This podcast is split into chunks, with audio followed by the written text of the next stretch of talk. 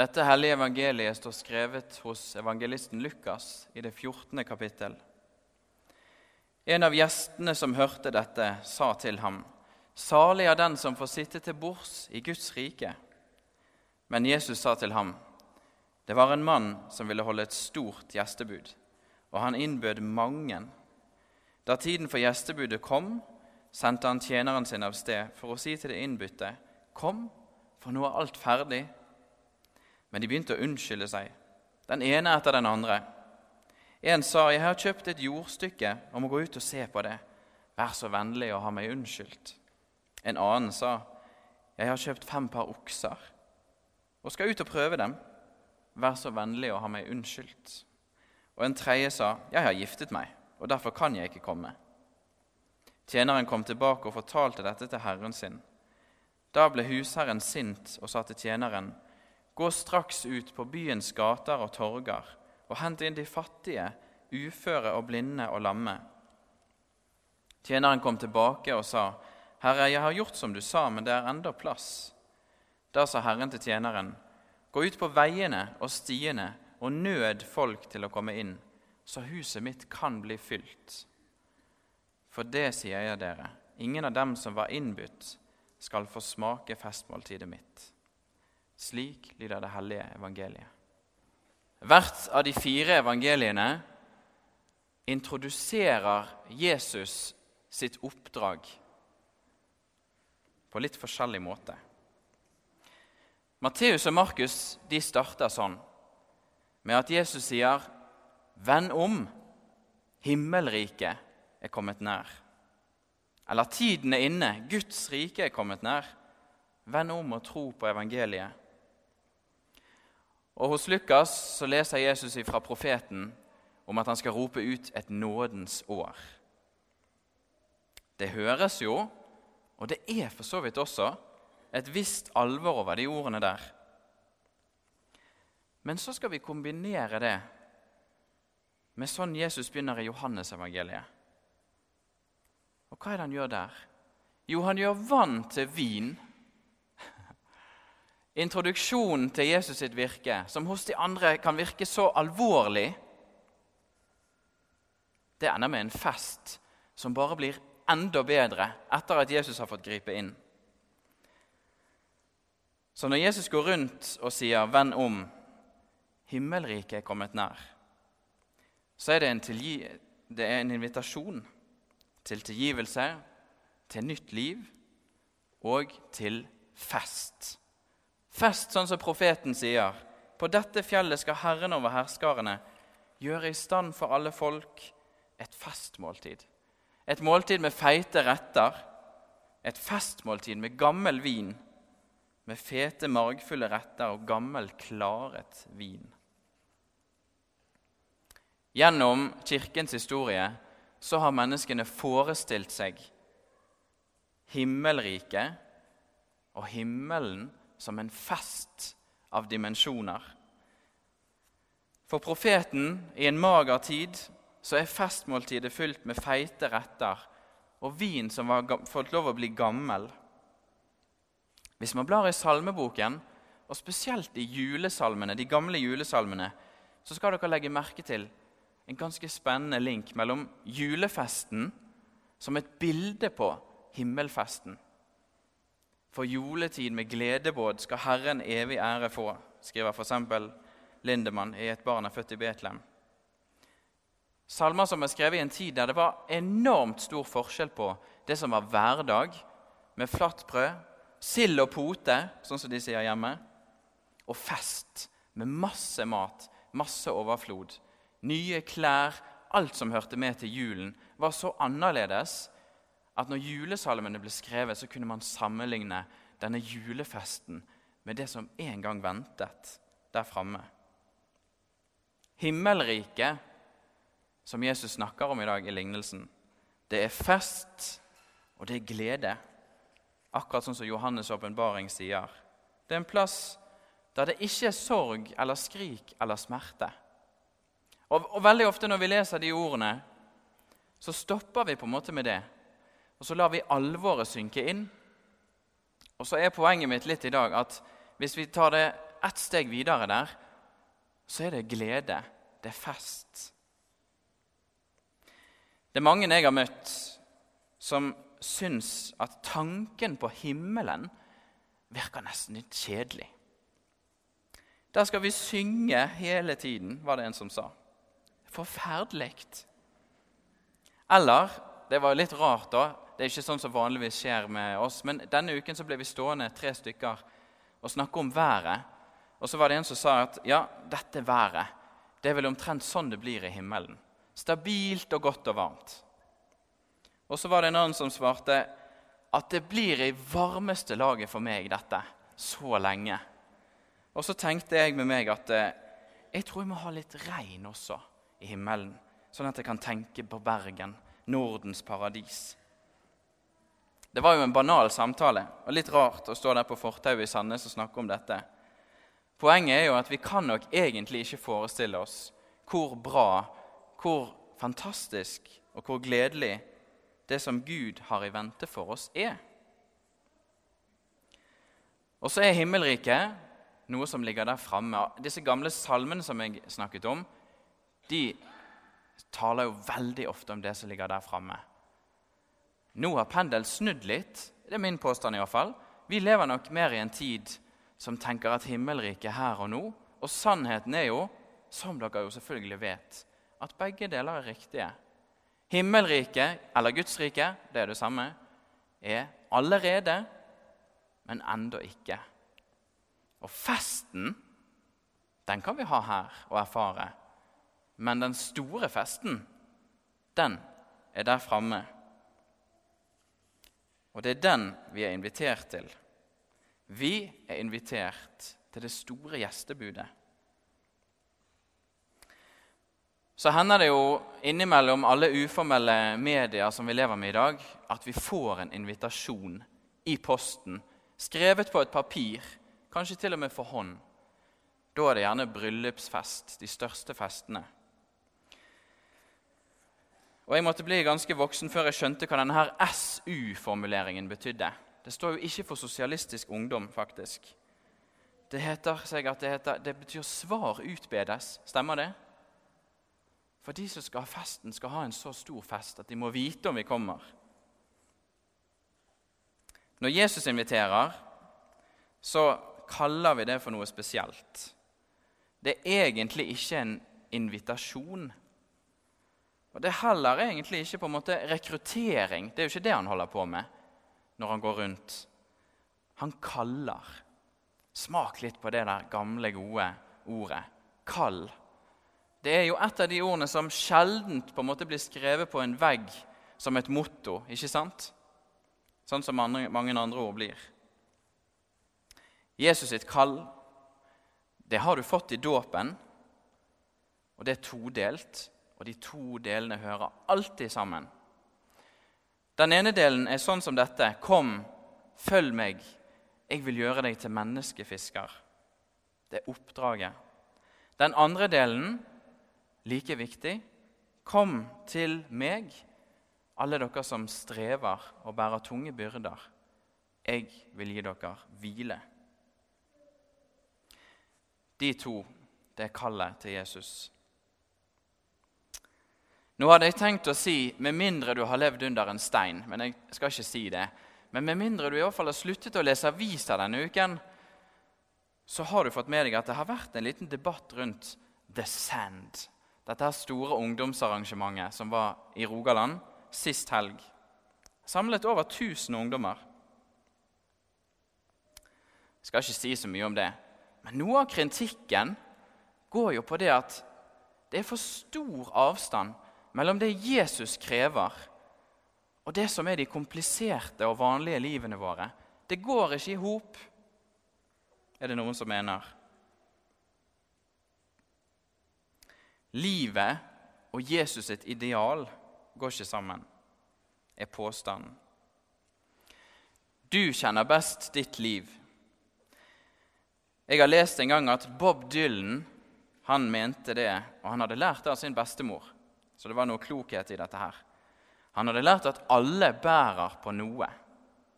Og Poenget med det var at du skal ikke se på det ytre alltid, hvor fint kledd eller hvor, hvor velfungerende eller suksessrik folk er. Alle bærer på noe.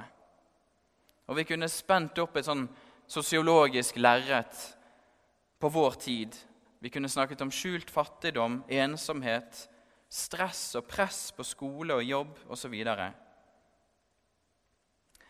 Men poenget med Jesus sitt kall, det er at det er ikke til folk som har kommet seg på et høyere nivå i livet. Og Poenget med Jesus sitt kall er faktisk heller ikke en sånn trappetrinnsgreie der du skal begynne på én plass, og så skal vi videre, videre, oppover og framover. Jo, jo, det er noe som heter helliggjørelse. Godt, gammeldags ord som handler om å vokse i troen. Men Jesus sitt kall, det er lagt rett inn i livene våre, akkurat der vi er, akkurat der sånn som vi har det i dag. Tror ikke dere at Peter sto og tenkte på hvordan i all verden han skulle få betalt ned gjelden på denne fancy fiskebåten som han hadde kjøpt nettopp? Kanskje. Eller han var bekymret for svigermoren som stadig hadde feber. Poenget er at Jesus sitt kall Og poenget med lignelsen i dag det er at invitasjonen den går ut. Langt, langt, langt lenger enn det vi kan tenke oss. Den går utover de som er invitert. Den henter inn ifra gater og streder. Evangeliet når alltid ut. Og En klok mann har sagt det sånn Det går alltid ut, og mest til den som fortjener det minst. Det er himmelriket. Jesus sitt kall i dag det er invitasjonen til gjestebudet. Og så radikal som den invitasjonen enn er, så er aldri Jesus sitt kall en ekstra byrde som du skal bære med deg hjem igjen i dag. For mitt åk er godt, og min byrde er lett, sier Jesus. Han har jo båret alle verdens synder og elendighet på korset. Det er ikke det som er vårt kall. Ditt kall er å ta imot hans tilgivelse og nåde og frihet.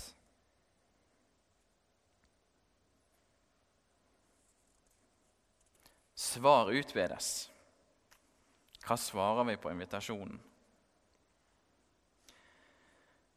Jesus sjøl er i gjestebud når han forteller lignelsen i dag. Han observerer hvem som er invitert, og han observerer det som var skikken, nemlig at de ikke hadde bordkort.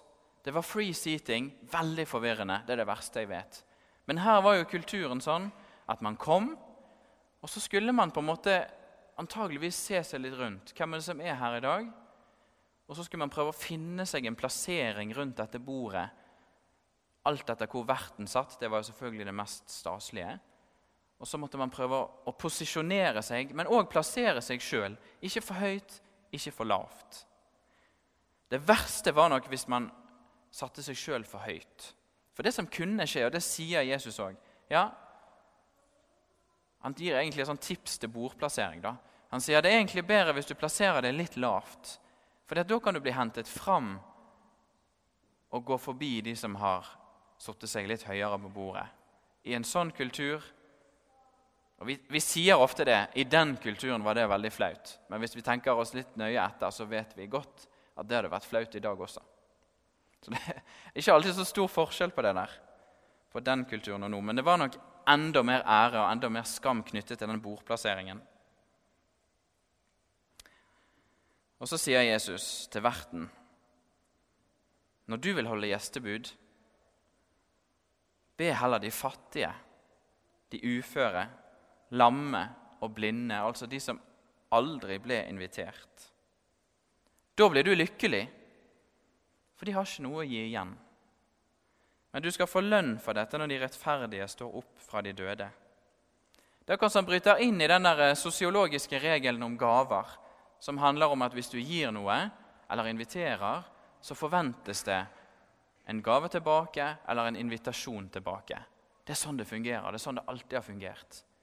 Guds rike igjen annerledes. Guds rike sier 'inviter uten å forvente noe tilbake igjen'. Og så er det denne gjestene som hører noe om lønn i himmelen, og som roper ut 'Ja, salige de som får sitte til bords der, i Guds rike'. Så kommer lignelsen, som enda en forklaring på hvorfor Guds rike er annerledes, opp ned ifra det vi kan tenke oss. For de inviterte, de er for travle. Jordstykker og okser og nygift. Jeg er ganske sikker på at mange har opplevd dette her i vår tid også. Å invitere til noen, så får du sånne unnskyldninger. Jeg husker spesielt en gang sendte melding til mange. Så fikk jeg sånne med sånne innbygde unnskyldninger. Da måtte jeg rett og slett smile av avvisningene. For jeg tenkte ja, dette er jo akkurat som i lignelsen. Farlig å gjøre sånne sammenligninger, men av og til så skjer det jo. Denne uken så har jeg tenkt at jeg skjønner veldig godt at folk sier nei. Det er lov å si nei når jeg spør. Men dette er jo gjestebudet. Det er det store gjestebudet til Jesus. Kunne ikke jordstykket ventet? Kunne ikke oksene stått en dag til? Eller tre dager, hvis det var tre dager til ende? Kunne ikke ektefellen svart 'Kan jeg ta konen min med?' jeg vet ikke. Men alle unnskylder seg. Vær vennlig og ha meg unnskyldt. Jeg har tenkt at det er noe litt sånn hardt og egentlig litt sånn likegyldig over dette her. Eh, unnskyldning med en grunn innpakket i høflighet. Det er noe hardt over det der veldig høflige svaret. Jo da, jeg er invitert til tidenes fest, men jeg skal bare. Det ligger jo et alvor i invitasjonen, sånn som det ligger et alvor i 'venn om'. I Bergen i dag så takker de av en prest som har jobbet i kirken i 40 år. Og Der gikk jeg eh, på gudstjeneste når jeg var student. Og Den menigheten er det som kalles høykirkelig. Så Der synger de sånne bibelske omkved. Og nå, Istedenfor å snakke nå, så skal vi lære et sånt omkved. Er dere med på det? Dette er sånn som de høykirkelige gjør. Da er det sånn at Presten begynner med å synge et vers. Og Så skal dere synge det samme verset. Og så skal jeg si noe, og så skal dere synge det samme verset. Dere kan dette her. Dere er jo en menighet med skikkelige kantor og greier. Ja, sant? Verset det er sånn I dag, når du får høre Guds ord, må du ikke forherde ditt hjerte. Må du ikke forherde ditt hjerte Det var litt lavt. Skal vi legge den litt opp? Og så synger dere med. I dag, når du får høre Guds ord, må du ikke forherde ditt hjerte.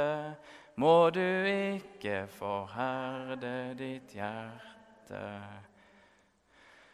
Og så skal jeg synge Søk Herren mens han er å finne. Kall på ham når han er nær. I dag, når du får høre Guds ord, må du ikke forherde ditt hjerte. Må du ikke forherde ditt hjerte. Det var litt til ære for Sverre Langeland i Bergen, og så var det litt til ære for den invitasjonen til Jesus. Våger vi å snakke om prioritering her? Våger vi å prioritere det jordstykket og oksene? Kallet fra Jesus er kallet til vanlige mennesker. Det er nesten skummelt å si 'vanlige mennesker' nå. Det er blitt et politisk begrep. Det er et kall til å hvile, det er kall til oppdrag, og det er kall til en gigantisk fest og glede. Vanligvis så forsker jeg på kall. Derfor er jeg veldig glad i å snakke om det. Og Når jeg går rundt og sier at jeg forsker på kall, hva tror dere folk spør da om? I hvert fall i Rogaland. Ja, hva er et kall, da? Åh. Og så blir jeg veldig stresset, for desto mer man leser om noe, desto mindre forstår man. ikke sant? Egentlig så, Og så er det det som desto mer man leser, desto mer tenker man det, Bibelen handler bare om dette. Ikke sant? Og det gjør det jo ikke. Men kall er veldig sentralt. Jesus sin invitasjon eller befaling til deg om hvile, om oppdrag. Så fant jeg en veldig god sammenligning fordi at i denne descend-kritikken så var det òg noe om robotkristne. Vi skal ikke bli kopier. Jesus kaller oss ikke til å bli en sånn flokk som bare gjør det samme eh, uten å tenke sjøl. Så det fins et veldig fint begrep som heter resonans. Og det er lydbølger. Så kan vi se for oss at kallet det begynner med Nå har ikke jeg stemmegafler, men jeg har kulepenner. Har dere sett en stemmegaffel noen gang? Ja. Det er sånn når dirigenten slår sånn, så begynner stemmegaffelen å vibrere. Og så har den en klar A. Ja, vi har leitet etter stemmegaffel her, men vi fant ingen. så får den stemmegaffelen en ren tone. Og så er det noe veldig rart som skjer. Kanskje noen fysikere her kan forklare det etterpå. hvis det er noen her. Men hvis du da tar en annen stemmegaffel inntil den, så vil den her, som var helt stille, den vil begynne å svinge, som det heter. Altså, Den vil også begynne med sin tone. Å, jeg tenker det er helt magisk. Men det er jo ren fysikk, egentlig. Men kan vi tenke oss at kallet er det, da? At kallet er først Jesus, som har den klare tonen. Og så er det oss som møter den klare tonen og begynner å spille eller svinge på vår melodi med vår stemme. For det er det som er viktig. Jesus sitt kall er sånn som Paulus sier, at vi er, vi er kalt til ferdiglagte gjerninger, men det er gjerninger som vi kan vandre fritt rundt i. Det er litt poenget. Og så er jo selvfølgelig Poenget å komme nærmere og nærmere Jesus, men i dette bildet så vil det være sånn at hvis du klistrer disse to sammen, så blir ikke det et ekte kall, i hvert fall. Her er poenget at den òg har sin stemme. Du har din stemme. Du er den du er. Og Jesus kaller deg som den du er, med dine gaver og muligheter. Men han kaller deg òg til forandring for han vil deg noe. Så dagen i dag er fin til å be Jesus. Hva vil du med meg og mitt liv, Herre? Og så er svaret, i hvert fall akkurat i dag, bli med på festen. Du er invitert til lammets bryllupsmåltid. Ære være Faderen og Sønnen og Den hellige ånd, som var, er og blir en sann Gud fra evighet og til evighet. Amen.